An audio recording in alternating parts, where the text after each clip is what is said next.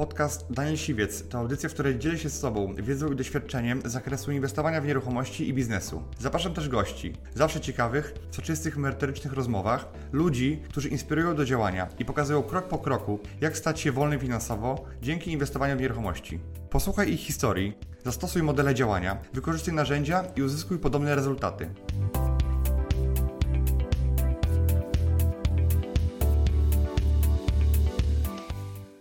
Cześć, z tej strony Kuba Łyko. Dla tych, którzy mnie nie znają, na co dzień prowadzę kanał, gdzie przedstawiam ludzi, którzy osiągają wybitne rezultaty w swoich dziedzinach. Dzisiaj wspólnie z Danielem stworzyliśmy odcinek, gdzie zebraliśmy jego najlepsze porady. Jest to podsumowanie, w którym znajdziecie wskazówki z zakresu biznesu, zarabiania pieniędzy, inwestowania w nieruchomości czy zarządzania swoim czasem. Zapraszam Was do tego podsumowania, no i koniecznie napiszcie na dole w komentarzu, która zasada jest Waszą ulubioną. Miłego oglądania. Pracując dla kogoś, wiedziałem, uświadomiłem sobie, że zawsze będę miał kogoś nad sobą, jakiś wielki tłusty tyłek, który będzie mi mówił, co mam robić, ile mam robić i za ile mam robić.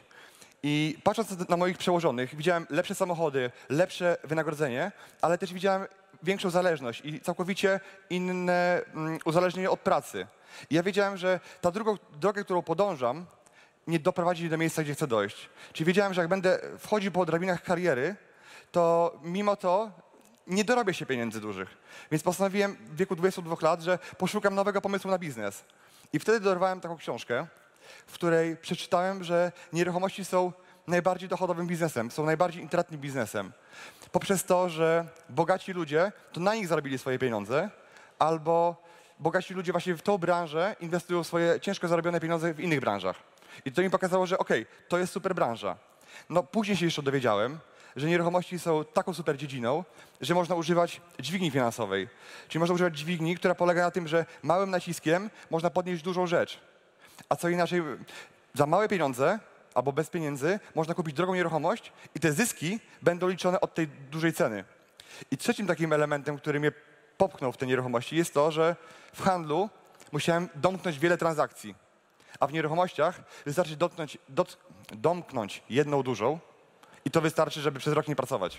Zasada numer dwa: nie bój się oceny ze strony innych ludzi. Wolę powiedzieć o tym, że zacznę i to zacznę robić, bo wtedy już nie mam odwrotu. Wtedy jest one way ticket i muszę to zrobić.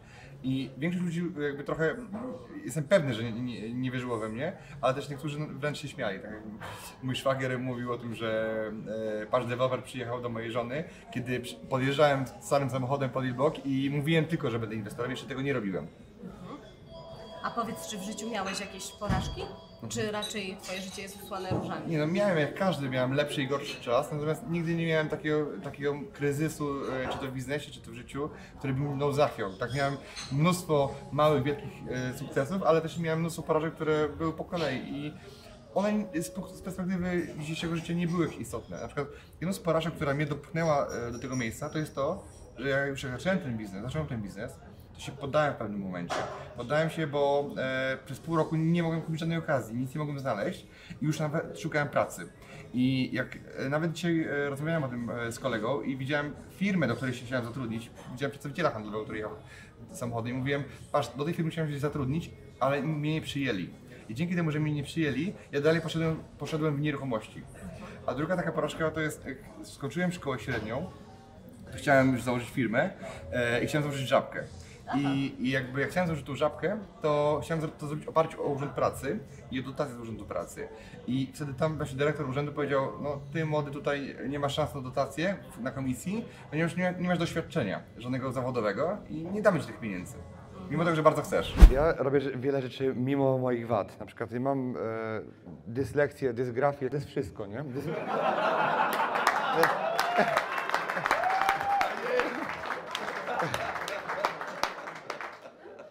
i napisałem trzy książki, nie? Moja poloniska nie napisała ani jednej. Także to mnie różni od niej, że ja mimo swoich y, ułomności pewnych, tak?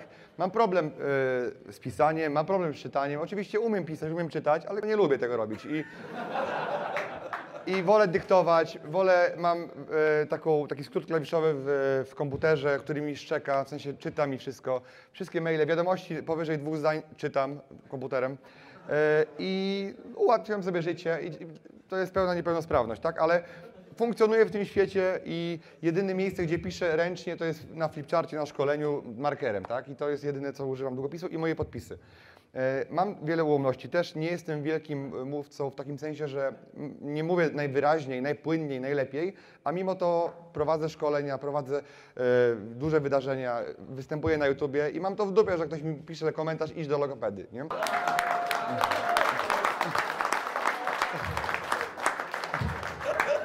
I jak ktoś mi mówi, Daniel, mówisz za szybko, nie? A ja mówię, nie, to ty za wolno słuchasz, przyspiesz, po prostu. Zasada numer 4. Zapisuj swoje cele. Ważne jest to, żeby ten cel był zmaterializowany, żeby był napisany. I ja robiłem taki test, że zapisywałem swoje cele, chowałem do szuflady i po paru latach wyciągałem. Tak? Jak ja sobie zapisywałem ten cel, ile bym chciał zabrać miesięcznie, to to było tam kilkadziesiąt tysięcy m- miesięcznie. To wtedy było dla mnie takie coś wielkiego. To naprawdę jest coś, no dzisiaj to jest coś dużego. Ale jak dzisiaj patrzę z tej perspektywy, to ja dzisiaj już jestem całkowicie gdzie indziej indziej. Ale wtedy było to dla mnie wielkim marzeniem. I to pokazuje, jak, jak te cele e, są ważne, bo ja to gdzieś tam z tyłu głowy zawsze miałem. Zasada numer 5. Znajduj okazję w mało widocznych miejscach. No Właśnie, liczy się, żeby być szybkim i czasem trzeba być szybkim, natomiast moje strategie są inne. Ja wolę e, wyszukać okazję, której nikt nie widzi, która e, jakieś zadłużone mieszkanie e, z problemami, którego nikt nie chce. Ja znajduję tam potencjał, negocjuję cenę i wtedy nie konkuruję z innymi, którzy tam wydzwaniają e, po pięciu minutach, jak się oferta pojawi i z nimi pod- podbijam cenę, tylko raczej szukam takich mieszkań, które na przykład, których nikt, nikt, nikt się nimi nie interesuje, bo czasami są nawet za drogie, a jeżeli kto, mieszkanie nie jest za drogie i e, ja złożę swoją ofertę, to być może ktoś pr- może czasem prędzej ją przyjmie, ona będzie zjedzie z ceny e, sporo, ponieważ jest zmęczony, znudzony, już musi to sprzedać e, i nie ma żadnej konkurencji, nikt się tym nie interesuje. A jeżeli mamy mieszkanie, które jest okazyjne i dzwoni nagle 100 osób jednego dnia, to wtedy jaką ktoś ma motywację do zmie- zmiany ceny? On raczej o to cenę podwyższy, podwyższy, bo widział, że się wygłupił, prawda? Dlatego czasami można kupić potencjalną okazję e, z droższej ceny wyjściowej, zrobić okazję, bo ktoś już jest zmęczony po prostu. Efekt synergii. Są ludzie na tej sali i są ludzie w waszych otoczeniach, które przy połączeniu z wami będziecie warci, dzisiaj jesteście warci jeden, ale z nimi będziecie warci 11. W najgorszym wypadku 3. Czyli to są osoby, które albo was napędzają, albo uwzględniają wasze know-how, uwzględniają waszą czy osobowość, czy kompetencje też. I dzięki temu, że jesteście razem, to jesteście warci więcej na rynku i robicie lepsze efekty. Na przykład jest wiele małżeństw, które dzięki, tak, tak, tak prowadzą biznesy. Czyli na przykład żona bardziej prowadzi księgowość, mąż spotyka się z klientami, albo odwrotnie. Żona tam ciśnie z klientami, a mąż na komputerze w Excelu sie- siedzi i ciśnie. I naprawdę te osobowości się uzupełniały. Ja jakiś miałem takiego wspólnika, który ten efekt synergii wykorzystałem. Ponieważ kupiłem kamienicę i mówię, kurde, parę lat temu nie, nie robiłem kamienicy jeszcze, to była ruina praktycznie. Wiecie, sypało się wszystko.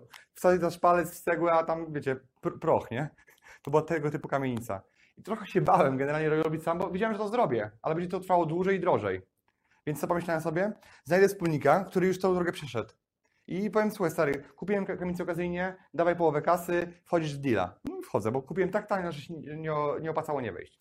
I dzięki niemu ja zrobiłem to znacznie szybciej i lepiej niż to bym zrobił sam. Czyli on był takim jakby dla mnie partnerem do tego, żeby dzięki temu była ta synergia. Ja znalazłem okazję, wymyśliłem cały model biznesowy, jakby go wdrożyłem, natomiast on on się zajął takimi technicznymi pułapkami, które czekają na właścicieli kamienic. Zasada numer 7. Wchodź w biznesy o niskich kosztach wejścia. To, co ja bym sugerował też, to wchodźcie w biznesy, gdzie są niskie koszty wejścia, czyli niskie koszty wejścia i od razu wysoka marżowość. To ja słyszałem takie jedno zdanie Leszka Żaręckiego, który mówi o tym, że tylko i wyłącznie e, największe szanse powodzenia mają biznesy, które od razu zaczynają działać, mają niskie koszty wejścia, wysoką marżę i wchodzisz i on od razu ma generować zysk. Jak nie generuje zysku, to on wyłącza firmę, po prostu. I to samo e, ja bym rekomendował, że firma powinna działać od razu i od razu przynosić zyski, bo w innym wypadku być może nigdy się nie zrealizuje. Niektórzy lecą na stracie przez długie lata i potem liczą, że w którymś momencie się Tak. odbiją, a I są firmy, które kiedyś się odbijają, tak? Natomiast prawdopodobnie się nie odbijesz. I tym bardziej to jest mała firma usługowa, a nie wielki startup technologiczny, gdzie wielkie fundusze zainwestowały miliardy, bo technologia jest droga i jesteś pionierem. To jest inna sytuacja, ale w sytuacji, w której zakładasz mały biznes i chcesz go rozwijać i nie zarabiasz, a dokładasz cały czas do tego, to zastanów się, co robisz nie tak, czy to jest na pewno ten model, ten biznes i ten sposób dzia- działania. pracuj nie w swojej firmie, czy nie w swoim biznesie, ale nad swoim biznesem. Popatrzcie, co się dzieje, kiedy przedsiębiorca pracuje w swoim biznesie? On przede wszystkim pracuje na siebie, a czasami jest tak, że e, ktoś mi kiedyś powiedział, że Daniel, dobrze, że nie założyłeś tej żabki, bo ja mam dwie żabki. Jakby posiadam dwie żabki, albo mam dwie żabki, a tak naprawdę to nie ja mam, dwie żabki, tylko dwie żabki mają mnie. I to, pokazuje, że można być niewolnikiem swojego biznesu, czyli jakby tak dużo pracować nad, w tym biznesie, że w pewnym sensie on może trochę zniewolić, bo masz się zobowiązania pewne, masz się klientów. E, natomiast to, co ja wyciągnąłem najważniejszego, to jest taka lekcja, żeby pracować nad biznesem, a nie w biznesie. Czyli oczywiście ja napierdzielam w swoim biznesie i pracuję bardzo ciężko, robię mnóstwo pracy, ale tak naprawdę biznes się rozwija wtedy, kiedy się pracuje nad nim. Czyli się pracuje koncepcyjnie nad pomysłami, które się wdroży, albo którzy inni ludzie wdrożą, twój zespół wdroży. E, A nie wszystko będziesz robił ty. Jeżeli ja bym by- by chciał robić wszystko sam, tak naprawdę nic bym nie osiągnął, bo ja swojej efektywności nie zwiększę. Ja nie mam więcej czasu do, do przepracowania w ciągu doby. Nie jestem w stanie. Ja mogę lepiej tym czasem zarządzać, więc jakby jeżeli ja będę pracował częściej nad firmą, czyli nad koncepcją jej rozwoju, nad pomysłami na, jej rozwój, a egzekwować będą inni ludzie w moim zespole, czyli oddeleguję w dużej mierze pracę, to wtedy moja firma się będzie lepiej rozwijała i ja osiągnę lepsze rezultaty. I zarobią i moi pracownicy, i ja na tym zarobię lepiej. Jeżeli ja bym wszystko trzymał dla siebie, to automatycznie nie, zrobi, nie zrobiłbym nic. Podstawowym takim błędem inwestora i błędem flipera jest przede wszystkim to, że patrzy na takie mieszkanie przez pryzmat swoich potrzeb.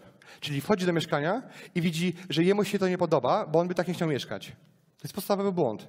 I czasem mi pytają ludzie, jakie mieszkanie kupić na, yy, pod inwestycję? B- bo chcę za rok, dwa, trzy w nim mieszkać. Ja mówię, to kup teraz takie mieszkanie, które będzie się dobrze wynajmowało, albo na którym dobrze zarobisz, a jak będziesz szukał dla siebie, szukała dla siebie, to wtedy dopiero pomyślisz, co jest dla ciebie dobre. Bo to, co jest dobre dzisiaj dla ciebie, może nie być dobre za, dla ciebie za 10 lat. Bo możesz mieć większą rodzinę, możesz się rozwieść, możesz mieć inną sytuację w pracy. I taką podstawową właśnie barierą na, samym początku jest to, że ludzie po prostu patrzą na brzydkie mieszkanie i nie widzą okazji. Dla mnie im jest mieszkanie brzydsze i gorsze w gorszym stanie technicznym, to jest lepsze. Ja wyznaję taką zasadę, że im większy problem rozwiążę w nieruchomości, tym więcej zarobię. Czyli rozumiem to tak, że im właściciel ma bardziej zabagnianą sytuację prawną mieszkania, im ma większy problem, żeby dogadać się ze swoją rodziną, czy z, ze wspólnikami, czy ja jestem takim jakby mediatorem w pewnym sensie e, i im gorszy ma stan techniczny, to tym lepiej dla mnie, bo wtedy zawęża się grono w ogóle potencjalnych chętnych na to mieszkanie. I wtedy ja wygrywam. Ja wtedy daję swoją ofertę i kupuję na moich warunkach. Wiele osób, które otwiera biznes, zaczyna od tego, że na przykład kupuje sobie, kupuje sobie MacBooki w leasing, kupuje sobie e, iPhony, samochody w leasing, czyli zaczyna od kosztu tak naprawdę. Ja jak zaczynałem swój pierwszy biznes, to podkleiłem się do koleżanki, która miała biuro kredytowe i wynająłem u niej biurko w pokoju, bo ona też miała pokój. Później wzi- wziąłem sobie cały swój pokój. Później sobie wziąłem inne biuro. I coraz większe, coraz większe, ale dopiero wtedy, kiedy to biuro zarabiało na mnie. A nie, nie zacząłem od tego, że sobie, wiecie, zrobię w biurowcu e, super świetna asystentka na starcie i jak część, jak widzę na przykład startupów, które się e, chcę organizować, to oni zaczynają od tego, że znajdźmy sobie fajną siedzibę, to na pewno klienci do nas przyjdą. I oczywiście komfort pracy pracowników jest ważny, ale to nie decyduje o jej sukcesie w żaden sposób. Może ma, malutko. Ja zawsze jakby szedłem od tej strony, że te koszty trzymałem bardzo, bardzo sztywno i mi ciężko było namówić na, na, na różnego rodzaju wydatki, które nie... Ja miałem taką zasadę, pamiętam. Nie mówiłem o tej żadnej grupie, ale teraz o tym sobie przypomniałem. Że miałem, miałem taką zasadę, jak ktoś mi mówił, dzwonił do mnie jakaś babka i mi coś sprzedać, to ja się zapytałem, ile z tego będę miał klientów i pieniędzy. I ja nie inwestowałem w nic, co nie da mi pieniędzy później. Czyli jak, jeżeli waliłem kasę w reklamę, to tylko w pewną reklamę, która da mi konkretny zwrot. Czyli jak ktoś mnie namawiał na, na wizerunkowe jakieś reklamy, to ja automatycznie mówię, nie chcę, nie, wizerunek się zrobi przy okazji firmy. Ja inwestuję tylko w klienta, czyli coś, co mi da bezpośredni zwrot z klienta. Nie coś, co mnie pokaże na rynku, że jestem wielki, że jestem super, że mam ładne stoisko na targach, czy cokolwiek. Tylko coś, co generalnie ja przekładałem każdą złotówkę na każdego klienta. I automatycznie łatwo było mi podejmować decyzje. Zasada numer 11. Pozyskuj sprawdzoną i praktyczną wiedzę. Wyobraźcie sobie jakby sytuację, że dzisiaj lekką ręką jesteście zarobić na przykład 40 tysięcy miesięcznie. Tak? Ile by to było dla Ciebie warte, żeby zarobić dzisiaj 40 tysięcy miesięcznie, y, nie na, robiąc się jakoś bardzo. Tak? Albo wyobraź sobie, y, ile jest dla Ciebie warte, żeby dzisiaj pójść i zwiększyć swój biznes o 100%. Czyli Twój styl życia się zwiększy o 100%, Twój kapitał będzie się pomnażał o 100%, Twoje inwestycje będą większe o 100%. Tak naprawdę, żeby robić to, to ja uważam, że trzeba mieć jedną ba- bardzo wa- ważną rzecz, żeby zwiększyć swój biznes, jakby, żeby przejść z tego miejsca, w którym dzisiaj jesteście, w to miejsce, w którym chcecie być. Nieważne, czy to jest te 40 tysięcy, czy to jest 30 flipów rocznie w własnym biznesie, czyli kilkaset tysięcy de facto zarobionych pieniędzy. Tak? Ważne jest, jak z tego miejsca przejść w to. Tak? I moim zdaniem odpowiedzią, wiecie, odpowiedzią, jak to zrobić? Jest wszystkim wiedza. Wiedza, która jest pewna, która jest łatwa do zastosowania, która jest praktyczna i która jest dla każdego. Jest bardzo dużo wiedzy w internecie, która nie jest w ogóle łatwa do zastosowania i nie jest w ogóle do zastosowania. Po prostu jest bullshitem. To nie działa. Tak? I teraz, a myślicie, jaka moja wiedza jest? Moja wiedza na przykład jest oparta tylko i wyłącznie na moich doświadczeniach. Ja całą swoją firmę zbudowałem na bazie swoich doświadczeń. Zasada numer 12. Zaczynaj od małych kroków. Nie robię rzeczy, które są większe ode mnie. Kiedyś miałem ambicje, żeby być wielkim deweloperem, budować wielkie osiedla, e, wieżowce i tak dalej. A teraz już wiem, że w życiu to nie jest najważniejsze i e, im większy mam ten biznes nieruchomościowy, tym więcej trochę stresu się z tym wiąże e, i trochę jakby dojrzałem do tego, że no jednak to nie jest najważniejsze, żeby operować milio- setkami milionów złotych, bo jakby mój standard życia by się nie podniesie wtedy, a, a się nawet obniży, bo być może się będę bardziej stresował, będę bardziej zaganiany, bo będę jakby te pieniądze trochę, mm, ta odpowiedzialność trochę e, może zniewolić ciebie też, tak? Że musisz tego pilnować, bo jeżeli tego nie pilnujesz, mm, to może każda mała pomyłka to jest duża strata. Dlatego róbcie takie rzeczy, które są nie większe niż wy, czyli które was, nie wiem, e, nie, nie się od razu za dziesiątki milionów złotych, tylko zrobić coś za, e, nawet mały projekt czteromieszkaniowy za, za gdzie działka kosztuje parę tysięcy, wziąć na to kredyt, jakby nieduży kredyt rzędu milion, dwa miliony złotych, tak jakby e, pomalutku zaczynać. Znaczy, Natomiast wiadomo, że jak ktoś dzisiaj pracuje e, na etacie e, za średnią krajową, to, to, to te kwoty są duże, prawda? Natomiast jeżeli ktoś ma dzisiaj biznes i chce deweloperkę, to, to już to jest trochę inny kontekst i niech zacznie od małego projektu i później się, jeden się uda dobrze zrobić, dlatego rób kolejny i kolejny. I tutaj ja sobie uświadomiłem, że ja mam dopiero 33 lata i jeszcze przede mną ileś lat życia. Ja nie muszę tak intensywnie pracować i tak dużo, i tak wiele mi się udało osiągnąć, e, więc ja nie potrzebuję takiego tempa już mieć tak naprawdę, bo, bo już mogę teraz zwolnić trochę to tempo, tak? Mm, I tak, takie mam przemyślenia, można powiedzieć, dojrzałem do tego, że już aż tak bardzo się nie opłaca e, pod, jakby zażynać siebie w biznesie i teraz trochę spokojnie podchodzę. Zasada numer 13. Odnajdź swoją misję. Ja YouTube traktuję nie jako biznes, tylko jako w pewnym sensie zostawienie czegoś po sobie, czyli mm, zostawienie śladów w tym, tej ludzkości, że, że byłem. I daje mi so, świetną satysfakcję, y, że jestem w stanie swoimi filmami docierać do ludzi i wpływać na ich e, kariery, na ich e, odwagę, że dzięki temu oni zmieniają swoje życie. No, bardzo mnie to motywuje i myślę, że nawet jeżeli nie mam z tego jakiejś gratyfikacji czy, czy jakichś korzyści, to i tak bym to robił, bo mm, no dzisiaj już jakby staram się, żeby to, co robię, miało większy sens niż tylko zarabianie pieniędzy. Zasada numer 14. Trudne chwile budują ogromną siłę. Pamiętam, jak byłem mały, miałem kilka lat, mm, to miałem takie marzenie, że kiedyś będę miał swój wieżowiec, swój helikopter i miałem takie e, wizualizacje w głowie. I to pamiętam do dziś, że leżałem w swoim łóżku piętrowym i, i tak sobie marzyłem i to była taka, takie śnienie na jawie w pewnym sensie. Tak? Pamiętam to z dzieciństwa. Czyli pa- pamiętam takie zdjęcie, w którym jestem z pieniędzmi. Mam swoją skarbonkę i mam pieniądze w tej skarbonce i to tak mi bardzo mocno utkwiło. Też jak byłem mały, to e, od małego robiłem biznes. Jak miałem 5 lat, to zatrudniłem moją starszą siostrę, żeby obierała ziemniaki, robiła frytki i później y, rodzinie, y, cioci, wujkowi, którzy do nas przychodzili, sprzedawałem te frytki. Wydaje mi się, że akurat e, to by, mogły być jakieś predyspozycje takie, e, które miałem, e, bo jakby wychowania stricte na temat dobrego na temat pieniędzy nie miałem. Natomiast to, że miałem trudne dzieciństwo, to, że wychowałem się bez ojca, to, że w naszym domu nie było pieniędzy i bardzo często tych pieniędzy brakowało na po- podstawowe potrzeby, to uwarunkowało mnie w ten sposób, że ja nigdy nie chciałem już tak więcej żyć. Że było w moim, mojej głowie takie marzenie, że kiedyś nie będę się o to martwił.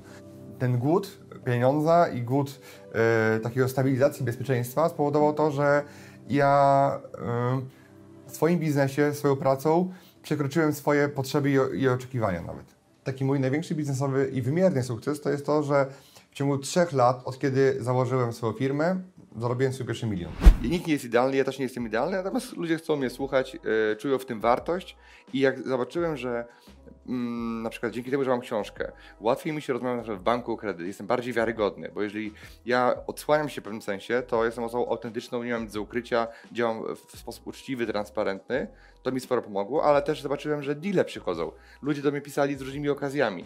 Kupiłem też parę mieszkań dzięki tej książce, gdzie sami się do mnie zgłosili ludzie, że, że mówią, hej, mam, mam do, taki, taki deal i ja, ja w niego wszedłem, więc jakby to się e, powieliło i wydaje mi się, że dało też takiej autentyczności temu, co ja robię w biznesie. Jedyne, co mnie wyróżnia, tak naprawdę, to jest to, że ja jestem zwykłym gościem, natomiast ja używam pewnego systemu i pewnego przepisu. I to pokazuje pewną potęgę, że tak naprawdę zwykły ktoś może robić niezwykłe rezultaty dzięki temu, że ma ten przepis. I teraz ten przepis, który ja tutaj e, stworzyłem, nazywa się SNI. Ktoś ma jakiś pomysł, co to znaczy? Bo, bo słyszałem różne spekulacje, że siwiec nie lubi inwestorów, czy, coś tak, czy różnie tam e, mówili. Natomiast jakby to jest system nowoczesnego inwestora. To jest system, który daje mi i jakby on powoduje to, że ja dużo zarabiam pieniędzy. Chciałem go wam przybliżyć. Tak? Chciałem go wam pokazać, zdradzić wam szczegóły. Pierwsze to jest co? To jest strategia. Jak ktoś z was gra w szachy, wie, że nie ma co siadać do stołu, jeżeli nie macie strategii. Jeżeli nie umiecie grać, nie znacie zasad i nie macie strategii na to. Kto wie, o czym mówię? Ręka do góry. Bez strategii nie wychodźcie, bo przegracie. Strategia jest istotna bardzo. To jest pierwszy punkt. I teraz jest tych punktów siedem. Myślę, że siódemka jest ta szczęśliwa, to, to szczęśliwą nazwą, tak? Jest szczęśliwą liczbą. I myślę, że ona tutaj sporo pomaga. Druga rzecz to są źródła. To są sposoby pozyskiwania okazji. To, to, to są rzeczy, w których e, jakby to jest cały dział i moduł, który pokazuje, w jaki sposób kierować te okazje, szukać tych okazji, docierać do ludzi przed komornikiem, docierać do ludzi, gdzie kupujemy wartości e, mieszkania poniżej wartości rynkowej. Analiza, czyli rzecz, która jest niezwykle istotna, bo ze złą analizą przegrasz zawsze. Jeżeli będziesz miał źle policzone, nawet będziesz miał fajną okazję, wszystko inne będzie pasowało, dobrą strategię, to jeżeli będzie źle policzone, popełnisz tutaj błąd, to przegrasz. Zabezpieczenie. Czyli jak już wszystko znalazłeś, masz strategię, masz źródło, masz analizę, to warto jest to, żeby to zabezpieczyć. Bo jeżeli tego nie zabezpieczysz, to okazja ci ucieknie. Widziałem taką, y, widziałem taką sytuację, że wszyscy, y, jedna y, para po moim szkoleniu z, zrobiła fajny flip, kupili fajne mieszkanie, natomiast nie podpisali umowy z zgodnie z moimi wytycznymi. Zrobili to po prostu po swojemu. No i co? Okazja im uciekła. Czyli stracili de facto potencjalny zysk kilkudziesięciu tysięcy złotych. Finansowanie. Finansowanie to jest rzecz, którą jest dopiero na samym końcu, można by powiedzieć. Dopiero o tym się myśli, jak się już znajdzie tę okazję, ale to jest nie- niezw- niezwykle ważna rzecz, bo ona pokazuje, jak to robić bez pieniędzy, bo część z Was ma pieniądze, część z Was dopiero chce je mieć. I teraz ja bym nie był tu, gdzie jestem, gdybym myślał, że muszę mieć pieniądze dzisiaj. Ja ich nie miałem i zacząłem to robić bez pieniędzy, dlatego jakby jestem w stanie to pokazać, jak robić to innymi sposobami. Kreowanie wartości to jest coś takiego, jak na przykład zmiana funkcji, jak podnoszenie wartości mieszkania. Czyli w jaki sposób, to też to Tomek trochę pokazywał, w jaki sposób zamienić e, Gargamela w Smurfa. Albo nie zamienić coś, coś brzydkiego w coś ładnego, tak żeby napompować wartość. I ostatnia rzecz to jest sprzedaż. Czyli jak ten nasz cukiereczek, który jest cudowny, opakować tak, żeby klient oczy mu się zaświeciły i kupił to od nas drożej niż by chciał. Żeby y, zmaksymalizować, wziąć z rynku największą ilość kasy. Dziękuję Ci, że wysłuchałeś do końca. Jeśli ten podcast był dla Ciebie interesujący, zapraszam do słuchania kolejnych odcinków. A jeśli chcesz jako pierwszy otrzymywać powiadomienia o nowych odcinkach, subskrybuj mój podcast.